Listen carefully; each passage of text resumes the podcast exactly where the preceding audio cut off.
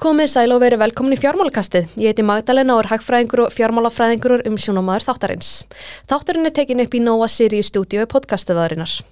Fjármálakastið hlaðar fyrir áhuga fólk um fjármál, hagfræð og efnagsmál. Þáttarinn kemur út einu sinni viku inn á allar helstu hlaðarsveitur og inn á podcast.is.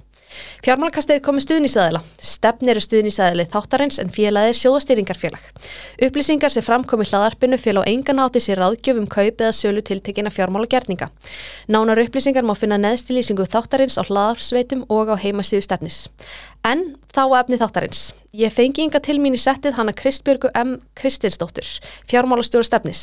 Við ætlum að ræða um starfsemi stefnis, fjárfæstingar, sjálfbær fjármál og sitka fleira. Kristbjörg, verður velkomin. Takk Magdalena. Uh, þú ert fjármálstjóður stefnist og stefnis er nú eins og hefur komið hérna margóft fram aðal stuðninsæli þáttarins. Getur þú kannski svona að byrja að segja hlustendum svona stuttlega frá stefni og sögu félagsins? Já, stefnir er 27 ára gamalt félag sem er að stýra sjóðum og fyrir einstaklinga og, og fagfjárfesta og það er mjög gaman að segja frá því að í þessari lungu, lungu sögu erum við búin að reyka ótal sjóði á hérna, öllum eigna mörguðum og þessi mikla saga svona endur speglast kannski því hvað hérna, við erum með breytt sjóðaframbóð mm -hmm. og, hérna, og það eru margir einstaklingar kannski bara búin að fylgja okkur í, í rúmlega 20 ár sem mm -hmm. er mhm. einstaklega gaman. En stefni líka dótturfélag Arjónbanka og við njótu mjög góðsað að því að vera dótturfélag bankans mm -hmm. og, hérna, og það er bara af þessum sjóðastýringafyrirtækjum sem er á Íslandi er hérna gaman að vera eitt af þessum stórum. Einmitt. Hvað starra margir á stefni? Við erum núna 25 og það er alltaf að bætast í hópin með meiri verkefnum. Mm -hmm. Einmitt. Uh, þið eru sjó, sjóðastýringafélag. Getur svona sagt mér aðeins frá svona þeim sjóðum sem þið bjóðu upp á? Já, eins og ég sagði, við erum bara með mjög breytt sjóða úrval. Mm -hmm. Kanski nefndi einhver dæmi? Já, það ættu allir að finna einhvað við sinn smekk eða áhættu þól eins og við segjum gerna nýjum sem bransa. Mhm. Mm og það eru innlendir og ellendir hlutabrjáðsjóðir, skuldabrjáðsjóðir og blandaðsjóðir og svo eru við líka að reyka nokkra svona sérhæðasjóðir sem fjárfesta í fyrirtækjum og þetta eru svona framtagsjóðir og þeir eru lokaðir og með ákveðin líftíma og er ekki fyrir almenna fjárfesta en ég held að við eh, spönnum svona nokkuð breytt um, úruval og hérna það ættu allir að finna eitthvað sem hendar sínum hérna áherslum hjá okkur. Einmitt, hvaða sjóður eru svona vinsalastir hjá okkur? Um, það er svona svolítið misjamt og það er kannski eftir í hvað við erum svona í efnagsveiflunni hverju sinni. Nei, þetta er bara eins og núna. núna er það kannski hjá almenningi, það stefnir samval, hann er bara alltaf mjög vinsælt sjóður og hann er nú rættur að reyka til búnaðabankans. Mm -hmm.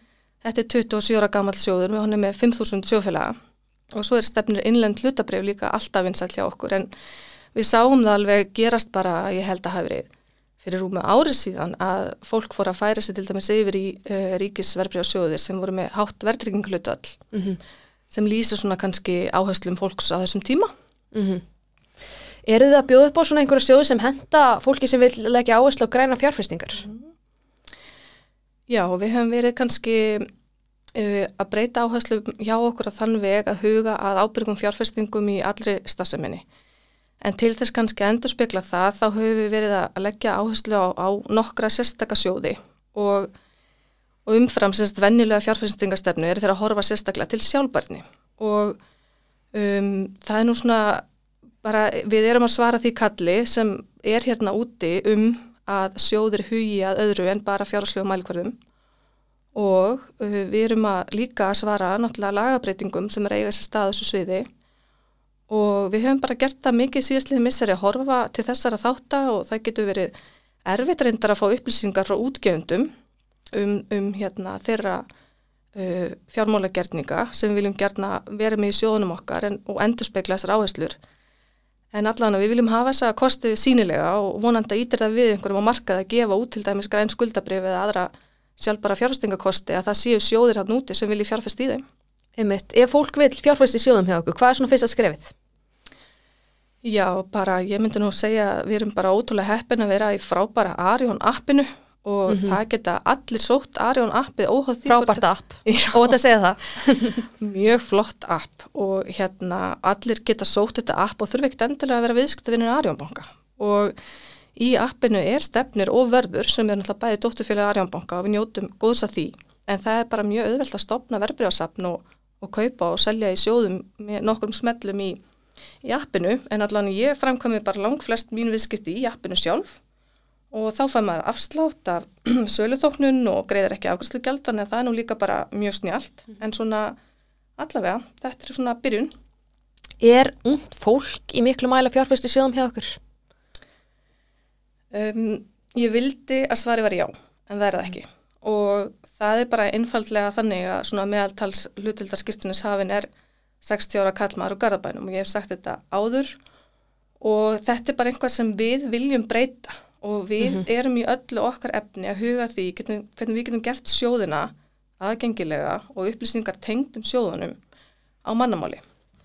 Uh, en það er samt alveg áhugavert að skoða hlutfall kvenna uh, í sjóðunum hjá okkur. Og það er til dæmis herra í sjóðunum sem vorum að tala um hérna áðan sem eru með svona sérstakar áherslur og sjálfbarni mm -hmm. og það er líka þannig að í nýju sjóðunum okkar sem við höfum verið að hérna að kynna á síðustu missurum og þar hafa verið að koma inn uh, fleiri yngri um, yngri einstaklingar mm -hmm. og hérna en það er kannski ekkit skrítið þegar í mörgum öðrum sjóðum eru einstaklingar búin að vera í langan tíma og, og eldast í raun og veru með sjóðunum þannig að tölfræðin er kannski ekki alltaf að vinna með manni þegar maður er að skoða svona hluti mm -hmm. en þetta er svona tilfinningin mm -hmm. Einmitt, en ræði núna þessum svona fjárfestingar almennt hvað ætti svona fólk að þínum að það hafi huga svona áður en að byrja að fjárfesta? Já, ég myndi nú sko spyrja mig fyrst spurningarinnar af hverju er ég að fjárfesta? Mm -hmm. Hvena þarf ég á þessum peningum að halda og hvað get ég tekið á mig mikið tap eða sveplur á meðan ég er að fjárfesta? Og þetta er mjög einstaklingsbundin spurning og það fólk þarf svolítið að líta á innan við og gera sér svona grein fyrir því hvað það er í lífinu og hvaða áhættu það getur tekið. Þannig að þetta er svona kannski helsta spurninguna sem ég myndi að spyrja mig upphafi ef ég væri að fara að fjárfesta. Svo er það náttúrulega bara ágætsregla að vera ekki með ekkin í sömu körfunni.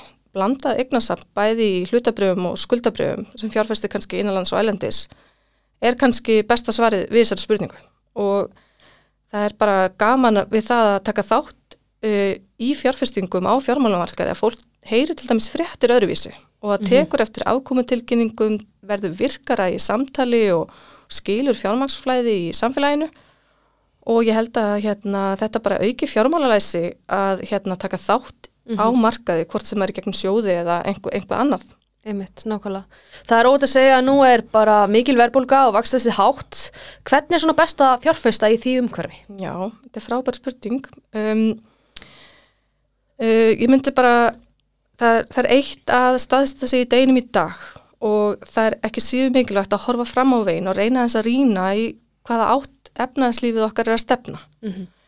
uh, Verðbólka og hái vextir er bara því miður einhvað viðfangsefni sem við höfum bara allt og oft þurft að glíma við á Íslandi og mm -hmm. þetta er ekkit einhvað sem að, uh, á að koma okkur óvart. Um, ég ætla að þess að fá að fara kannski tilbaka í spurningur um fjárfestingar almennt áhættu fælin aðili á augljóslega ekki að taka þátt á, á hlutabriðamarkað sem sveiplast mikið. Þannig að þetta er bara ótrúlega personabundið og tímalengt fjárfestingarinnar og tilgangurinnar skiptir náttúrulega bara mestu máli og svo eins og ég sagði á hann ekki öll ekkin í sömu körfuna. Það er bara líkilatriði á tímum eins og núna þar sem það eru mikla sveiplur og, og, hérna, og fólk þarf að vera vakandi fyrir, fyrir svolítið framtíðinni, horfa fram á veginn. Emitt. Uh, sem við vilja meina fólk sem að, já, hefur ekki áhuga fjármálum og hefur þessna ekki mikla fjármála þekkingu, náttúrulega bara fólk hefur áhuga mismöndu hlutum, ætti frekar ekki fjárfæst í sjóðum heldur en í svona einstakum hlutabrifum, hvað svona segir um þú um það? Já, ég get alveg að sagt þér að það er mjög mikið af fólki sem að fjárfæstur í sjóðunum okkur sem hefur mikla fjármála þekkingu. Já. Þannig að, hérna, ég skil samt hvaðan spurningin kemur, en hérna, sjóður eru bara frábær leið til þess að byrja að fjárfæsta og það er góð áhættudreifing og sjóðunni lúta bara uh, stífu lagangverfi, þeir eru aðgengilegir á margan hátt og tiltölulega svona auðskiljanlegir mm -hmm. og sem fyrsta skrefin á margar er sjóður bara mjög góðu kostur Já. og kannski sérstaklega reglubundin sparnar í sjóðum, mm -hmm. einstaklega þægileg leið en þá kannski kynist maður í gegnum minni upphæðir mismunandi sjóðum, það getur verið hérna ágætisleið til þess að kynast þessu.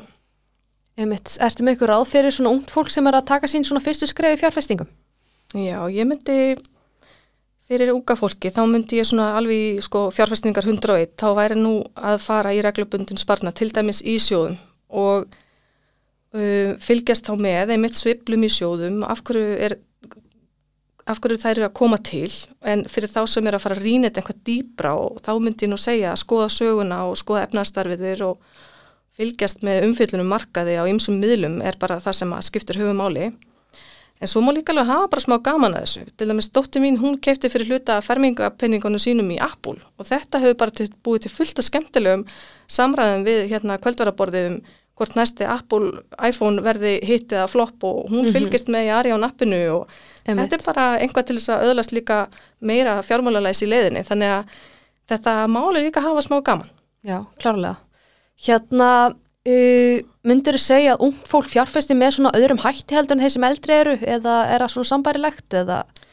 Já, sko, ég tók allan eftir því þegar við stopnum sjóðun okkar með sjálfbæritu áherslunar að það var svona meira streymi af ungu fólki þangað. Svo sér mm -hmm. maður það líka að hérna, eldra fólk er mögulega að huga meira að áhættu og er áhættu fælara kannski. Mm -hmm. en, en það er semst bara áhugavert þegar við höfum verið að stopna þessa nýju sjóð að ungra fólki virðist vera svolítið forvitið og, og, hérna, og, og kemur bara vel inn í þessa sjóð hjá okkur. En mm -hmm. þetta er mhm. svona tilfinningin sem að ég fæ svona tengt uh, ungu fólki og aðeins eldra. Einmitt. Hver er svona þí, besta leiðina þínu mati fyrir fólk sem að vil fræðast og kynna sér markaðin betur? Er það kannski bara að kaupa hlutabriðu, kaupa sjóðum eða eitthvað slíkt? Já, auðvitað læri maður náttúrulega bara ótrúlega mikið á uh, í gegnum reynslu og taka þátt á, á markaðnum. Það er, það er bara hérna, alltaf áhugavert en það er að fá náttúrulega upplýsingar á ótrúlega mörgum stöðum í dag og það er allar þessar fréttaveitur og podcast og postlistar og hvaðina og samfélagsmiðlarnir eru farinir að blanda sér í þessa umræðu líka núna. Mm -hmm. Ég myndi nú aðeins taka hérna því með, með smá fyrirvara sem kemur á TikTok til dæmis, þannig að maður það svona velja sér réttu hérna veiturnar. Algjörlega. En auðvitað hérna færi maður þetta í puttana líka með því að hérna að vera ámarkaðnum og vera kannski að þess að æfa sig. Einmitt. Hérna, uh, hérna, Nú hafa eins og ég kom inn á það markastæðistæði verið svona afar erfiðar undanferði missurum, sérstaklega síðust ári. Hvernig hefur verið að vera stjórnandi í sjóastýringafyrirtækja þessum tímum? Já og það er alltaf hérna krefjandi að vera hérna að vinna í sjóðastýringu þegar, þegar sveiflunar á marka eru miklar en sem betur fyrir stefni bara með innanbúrs fólk sem hefur séð tíman að tvenna og fylgist með öllum helstu hagstarðum og frettum og greina mm -hmm. alla fjárfestingakosti sem þau fjárfesta í.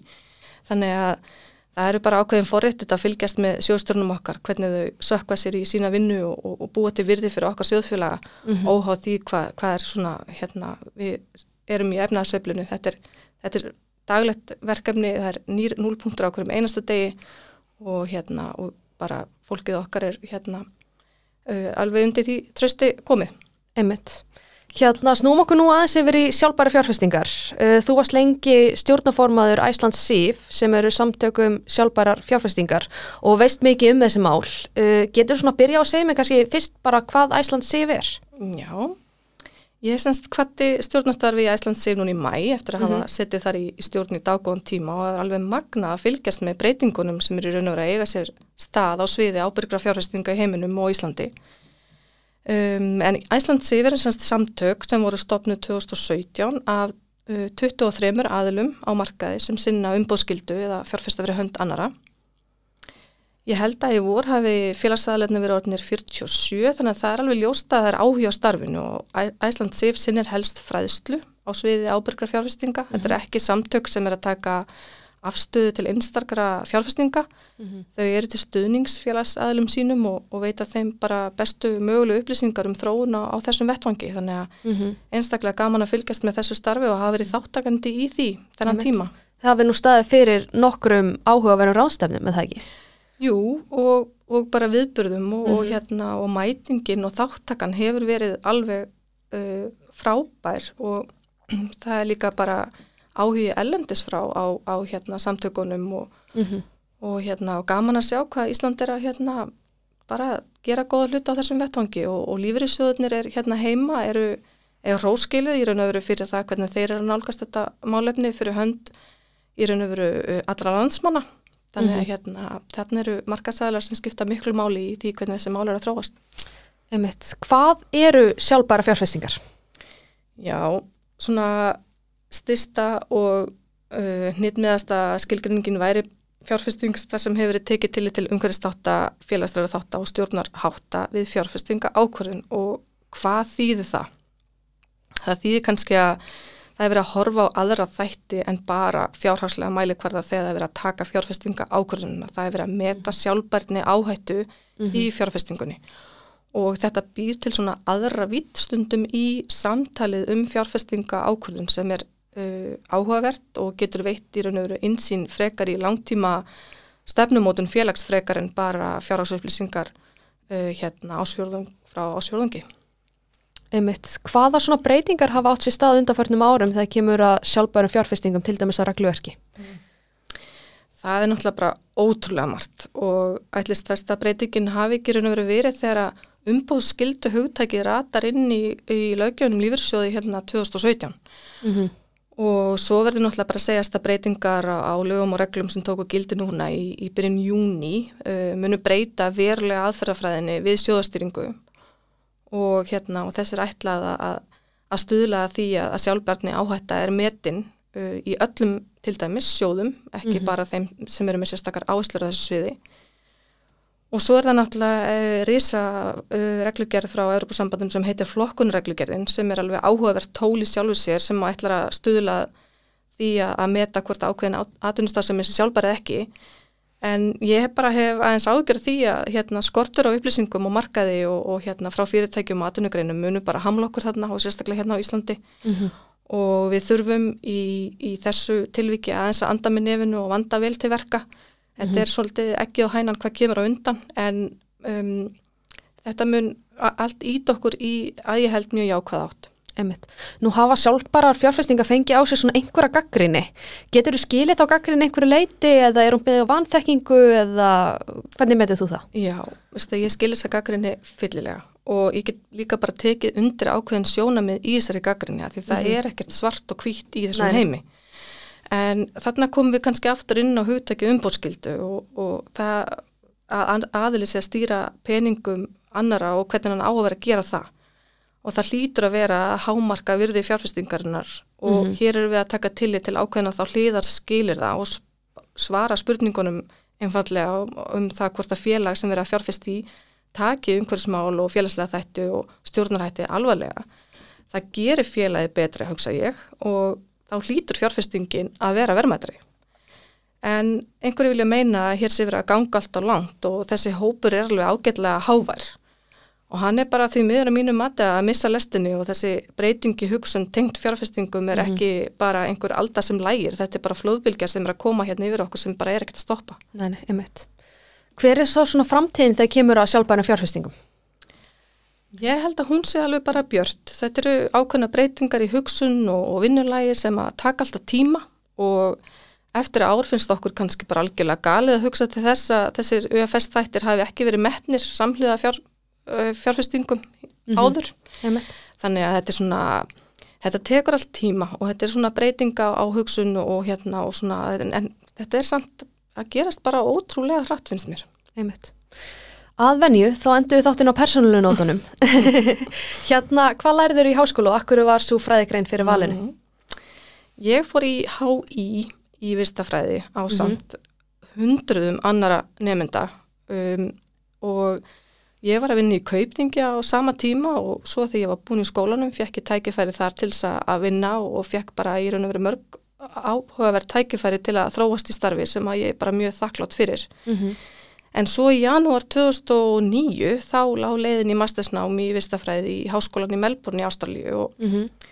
og fólk spyr sér stundum byttu hvað, af hverju þangað og, og svo leiðis og ástæðin er bara hérna við hjónin fengum bara inni í sama skóla, það var alltaf algjört líkilatriði og maðurinn mín var að stunda faraldsfræði og svo vorum við með sex mánu að bann með okkur sem þurfti að komast inn á leikskóla og þetta mm. er bara uh, þrautinni þingra að hérna ná öllu saman á einum og sama staðnum en þetta small allt í háskólanum í Melbourne og mm -hmm. ég vann svo við rannsóknir og kennslu í skólanum mm -hmm. og það var einstaklega gefandi En það var alveg svolítið surrealist að fara frá Íslandi í janúar 2009 en það var líka kannski bara ágætt að vera í burti á sem mjög svo um, hérna, erfiða tíma hérna á Íslandi. Einmitt. En hvað var til þess að ákvæmst að færi viðskiptafræðu sínum tíma? Uh, ég held það var annarkvort vistafræði að lagfræði. Það var bara einhvern veginn, hérna, valið var ekkit mikið í grund að verið að segja. Þetta var svona ströymurinn láþangað. Já, þetta var, þetta var þannig mál og lýsi kannski svolítið tíðarandanum í, í þjóðfélaginu á þessum tíma. Einmitt. En þú starfa núna sem fjármálistjóri stefnis. Uh, hvað finnst þið svona skemmtilegast við starfið? Ég myndi náttúrulega bara segja að ég vinn náttúrulega með fólki sem er alveg yfirbyrðaklárt og hérna á sínu sviðu og, og hérna ekki bara í stefni heldur líka í Arjónbanka og verði. Þannig að við erum öll saman hérna í, í húsi í Borgatúnu og, og það er engin dagur eins, það er alltaf að koma upp ný viðfangsefni sem þarf að takast á við. Ég hitti líka mikið skemmtilegu viðskiptvinum sem gefið mikið, árangur þeirra skiptur okkur náttúrulega öllu máli og svo bara er alltaf hérna svolítið gott að hafa smá gaman og, og, hérna, og geta eins hérna, hleyið í vinninni. Það Það er mikilvægt. hérna finnst þið gaman að ferðast? Já, ég veit nú ekki um neitt sem myndir segja spurningu, en hérna... Um, Ég, ég hef nú fengið svarið sko já bara út á landi. Já, Þannig að ok. það er ími svör sem koma. Uh, jú, auðvitað finnst mér gaman að ferðast, en hérna, um, og maður fari ímist tækifæri til þess tengt vinnunni eða, eða í, í prívatlífinu og, og ég var til dæmis að koma á tónleikum með dóttur minni, hérna, vorum, fórum á tónleika í London með Harry Styles. Mm Það er hægt að gera, hérna, ímislegt skemmtilegt svona, utan að stennina. Hvað myndir þú segja að vera uppáhaldsborgiðin? Ég ætla að segja að sjálfsögðu Melbourne í Ástralíu, náttúrulega einstök borg og, og svona, og, hérna, hjarta döma liggja þangað, en, en svo líka hérna á Norðurkvöli finnst mér alltaf gaman að koma til Kaupmannhafnar og, og París er skemmtilega á vorun og haustin. Mm -hmm. Hvað er að þínum að þið besta fjármála myndi að þættir alltaf tíma? uh, uh, allra tíma, það er ekki smá spurning. Eða bara að þínu mati? uh, ég, það er alveg hægt að hafa gaman að þessum típisku amerísku myndum að einhverjum verbreyðguttum en hérna Já. en kannski svona ein mynd sem tengist ekki endilega fjármálum og kemur upp í hugan er hérna Triangle of Sadness sem ég var að horfa á hann daginn Já, mælur með henni? Mm, Já, Já. svona skrítin mynd en hún sýnir kannski að það er nú einhvað meira sem maður þarf að huga í heiminum en bara peningar. Einmitt. Já, það tengis peningum. hérna, ef þú ættir að mæla með einni bók fyrir hlustendur fjármálkassins, hvaða bók væri það? Já, veistu, ég ætla bara að vera fyrsti viðmældið þinn til þess að viðkenna að ég les bara mjög sjaldan bækur. Ég hef alveg fengið það svar líka. Nú, já, já, já, já. En ég hlusta stundum í bílnum, en þú veist, það vill bara stundum vera svolítið svona slitrótt og ómarkvist einhvað, en ég er með geggjaðan sessunaut sem heitir Jón Fimboðsson og hann les ógeðslega mikið og hann hlustar gífulega mikið og ég fæ bara reglulega svona hérna bóka hérna rýni frá honum. Já, og hérna og þurfti að fá hann í þáttinn að ræðu fjármálabækur. gjörlega, ekki spurning. Og en hérna, en, en annars var ég nú að lesa á kottanum í gær hérna úttækt svisneska fjármála eftirlitsins á hérna fylgni sjóðstýringafyrirtæki við SFDR-reglugerðina þannig að það er náttúrulega æsi spennandi stöf sko. Mm Geta hlustendur fjármálkassins nálgast það að lesefni? Já, bara senda mér post. Einmitt, hérna er eitthvað að lókus eða vil koma fráfæri? Einhver skilabóð? Ég, bara takk fyrir að bjóða mér, þetta búið að bara mjög skemmtilegt spjall hjá okkur. Um, ég bara hvet alla í raun og veru til að kynna sér um, fjárfestingar, sjóði, heimasíðu stefnis, heimasíðu Arjónbanka. Það er fullta efnis bara fyrir hérna alla sem hafa áhuga á þessu en svo má líka bara alltaf senda e-mail og hérna og spurja og hérna við erum opinn fyrir því að móttaka hérna fyrirspurni frá öllum sem vilja kynast okkur. Einmitt, frábær lókar, Krisbjörg, þakka ekki alveg fyrir komuna. Takk, takk. Uh, Fjármálkasti verður ekki lengri í dag en ég vil þakka ykkur kærlega fyrir hlustununa og nýr þáttur er vantalegri næstu viku. Þanga til, verið sæl.